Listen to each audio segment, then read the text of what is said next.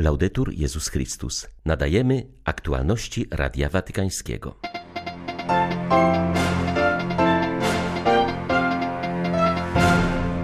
Jest pokojem, nie można profanować go nienawiścią i wojną, mówił Franciszek na otwarcie Światowego Kongresu Religii, który odbywa się w stolicy Kazachstanu.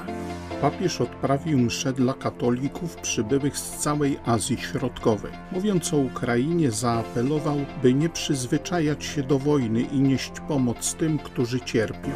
Polacy włączają się dziś w modlitwę całej Europy o pokój na Ukrainie. Jej inicjatorem jest Rada Konferencji Episkopatów Europy. 14 września witają Państwa Beata Zajączkowska i ksiądz Krzysztof Ołdakowski. Zapraszamy na serwis informacyjny.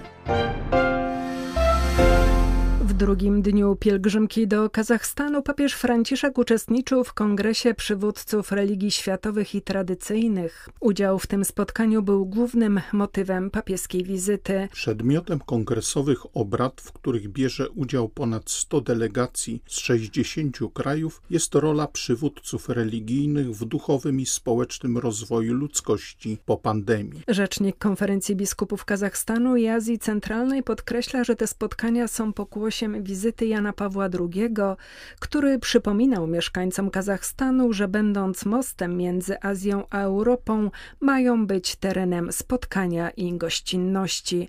To realizuje się w praktyce, mówi ksiądz Piotr Pytlowany. Jestem w Kazachstanie od 1994 roku i muszę szczerze przyznać, że nasze relacje z kościołami innych związków wyznaniowych i przede wszystkim z muzułmanami są po prostu świetne i są oparte przede wszystkim na dialogu i bardzo szczerych relacjach. Także to, co się mówi o Kazachstanie, że to jest kraj dialogu, porozumienia, to jest prawda.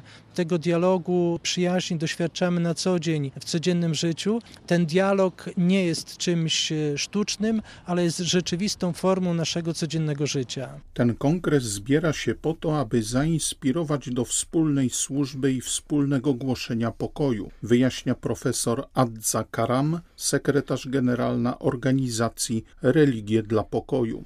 Wyrazem tych spotkań będą następujące po kongresie obrady okrągłego stołu, przy którym zasiądą przedstawiciele religijni z krajów, gdzie toczą się walki. Tego rodzaju fora nie są w stanie wyeliminować konfliktów. Spójrzmy chociażby na ONZ. Jest to potężna organizacja, która regularnie gromadzi przedstawicieli rządów i nieustannie pracuje. Nie jest jednak w stanie wygasić konfliktów. Takie spotkania przede wszystkim ułatwiają przepływ informacji pomiędzy przywódcami różnych społeczności. Pamiętajmy, że instytucje religijne prowadzą akcje humanitarne, zwykle są pierwszymi, które reagują na kryzysy. Są również najstarszymi, największymi i najsilniejszymi organizacjami charytatywnymi na świecie. Tak więc, kiedy spotykają się przywódcy religijni, spotykają się nie tylko liderzy grup wyznaniowych, ale również przełożeni największych organizacji charytatywnych na świecie. Nie szukajmy fałszywych, pojednawczych synkretyzmów, ale strzeżmy naszych tożsamości otwartych na odwagę inności, na braterskie spotkanie, zaznaczył papież Franciszek w swoim przemówieniu na otwarcie siódmego Kongresu Przywódców Światowych i Tradycyjnych Religii. Ojciec Święty wyraził głęboką nadzieję, że na tej ziemi powstanie nowy, jedwabny szlak wymiany ludzkich wartości opartej na głębokim dialogu.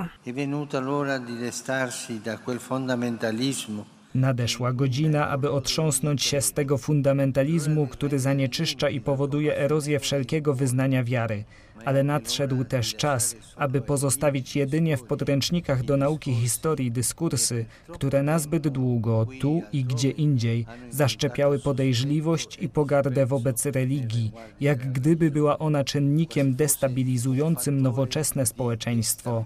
Dobrze znane jest na tutejszej ziemi dziedzictwo narzuconego przez dziesięciolecia państwowego ateizmu, tej opresyjnej i tłumiącej mentalności, dla której samo użycie słowa religia stwarzało kłopoty. W rzeczywistości religie nie są problemami, ale są częścią rozwiązania zmierzającego ku bardziej harmonijnemu współistnieniu. Ojciec Święty wskazał, iż przed wyznawcami wszystkich religii stoją obecnie cztery wyzwania, w których powinniśmy razem mówić jednym głosem. Pierwszym z nich jest reakcja na ostatnią pandemię, drugim kwestia wprowadzania pokoju, kolejnym troska o środowisko naturalne. Wreszcie konieczne jest tworzenie ducha braterskiej akceptacji, zwłaszcza w tych czasach, w których tak wielu ludzi odrzuca się już na samym wstępie, na przykład dzieci nienarodzone, migrantów czy osoby starsze. Język kazachski zachęca do tego przyjaznego spojrzenia w nim kochać oznacza dosłownie dobrze się komuś przyjrzeć. Jeśli pielęgnowany na stepach kult gościnności przypomina o niezbywalnej wartości każdej istoty ludzkiej, to człowiek winien być przyjacielem człowieka. Odkryjmy na nowo sztukę gościnności, przyjmowania, współczucia. Do nas należy, oprócz potwierdzenia nienaruszalnej godności każdej istoty ludzkiej, nauczenie jak płakać za innych bo tylko wtedy, gdy odczuwamy zmagania ludzkości jako własne, będziemy prawdziwie ludzcy.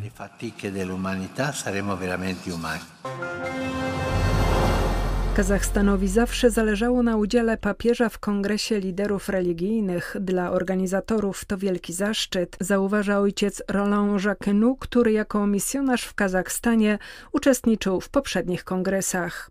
Przypomina, że organizatorzy tych wydarzeń świadomie odwołują się do Jana Pawła II i zainicjowanej przez niego tradycji spotkań międzyreligijnych w Asyżu.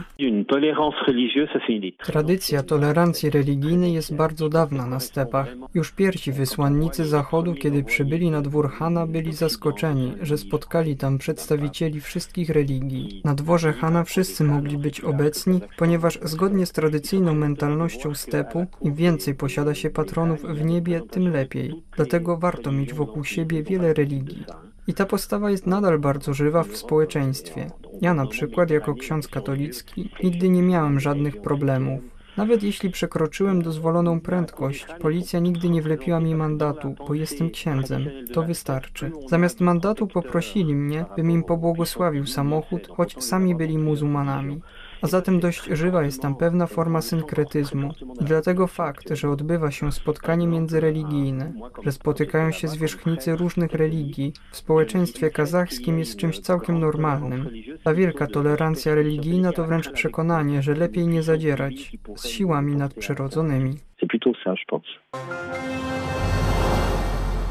Obyśmy dzięki łasce Bożej stawali się coraz bardziej chrześcijanami, radosnymi świadkami nowego życia, miłości i pokoju, powiedział papież podczas mszy odprawianej pod gołym niebem na terenie Expo 2017 w Nur-Sultanie. Przybyli na nią katolicy z wielu krajów Azji Środkowej. Papież nawiązał do trudnej historii Kazachstanu. Zaznaczył, że jedyna droga naszego zbawienia, odrodzenia i zmartwychwstania prowadzi przez spojrzenie na Jezusa ukrzyżowanego.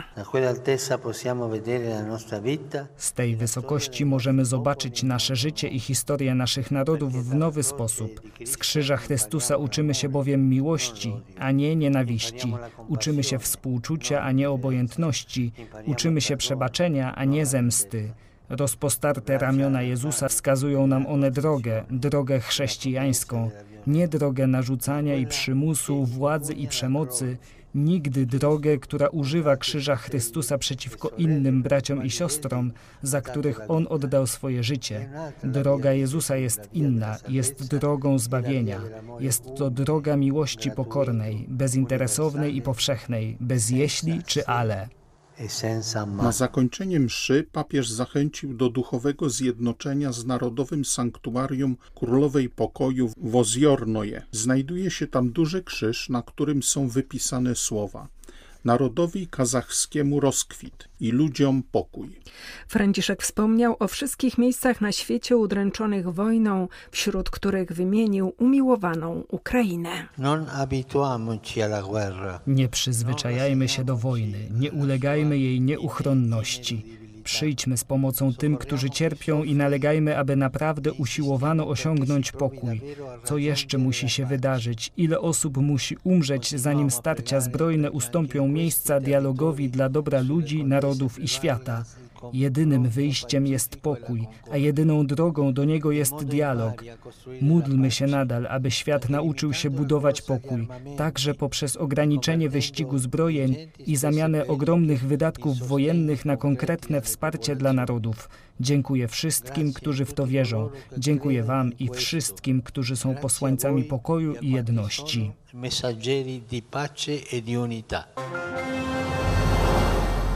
Rosjanie nie przestają atakować cywilnych obiektów na Ukrainie. Ubiegłej doby szczególnie mocno zbombardowali Mikołajów, gdzie wiele osób zginęło. Agresorzy uderzają w podstawową infrastrukturę lokalnych miast. To oznacza, że przed chłodną porą roku starają się zrobić wszystko, aby Ukraińcy cierpieli jak najwięcej. I to szczególnie ludność cywilna wskazał w codziennym orędziu arcybiskup Światosław Szewczuk. Często pytają e, nas, macie tam na Ukrainie nadzieję? Odpowiadamy tak, mamy. Mamy nadzieję, bo daje nam ją Bóg, nie człowiek. Jesteśmy narodem wierzącym i w wierze otrzymujemy nadzieję i idziemy dalej. Odważnie, cierpliwie znosimy nasze trudności. I ta nadzieja wiedzie nas ku zwycięstwu nad rosyjskim agresorem, ku zwycięstwu nie tylko na wojnie, ale też nad wojną, ku zwycięstwu, którego zwieńczeniem będzie pokój na Ukrainie. Dzisiaj dla chrześcijan, katolików Europy jest szczególny dzień. Dzień czuwania i modlitwy przed Najświętszym Sakramentem w intencji pokoju na Ukrainie. Papież Franciszek, któremu towarzyszymy modlitwą w jego podróży do Kazachstanu, zaprasza nas dzisiaj wierzących chrześcijan, abyśmy właśnie w ranach Ukrainy zobaczyli rany ukrzyżowanego Zbawcy.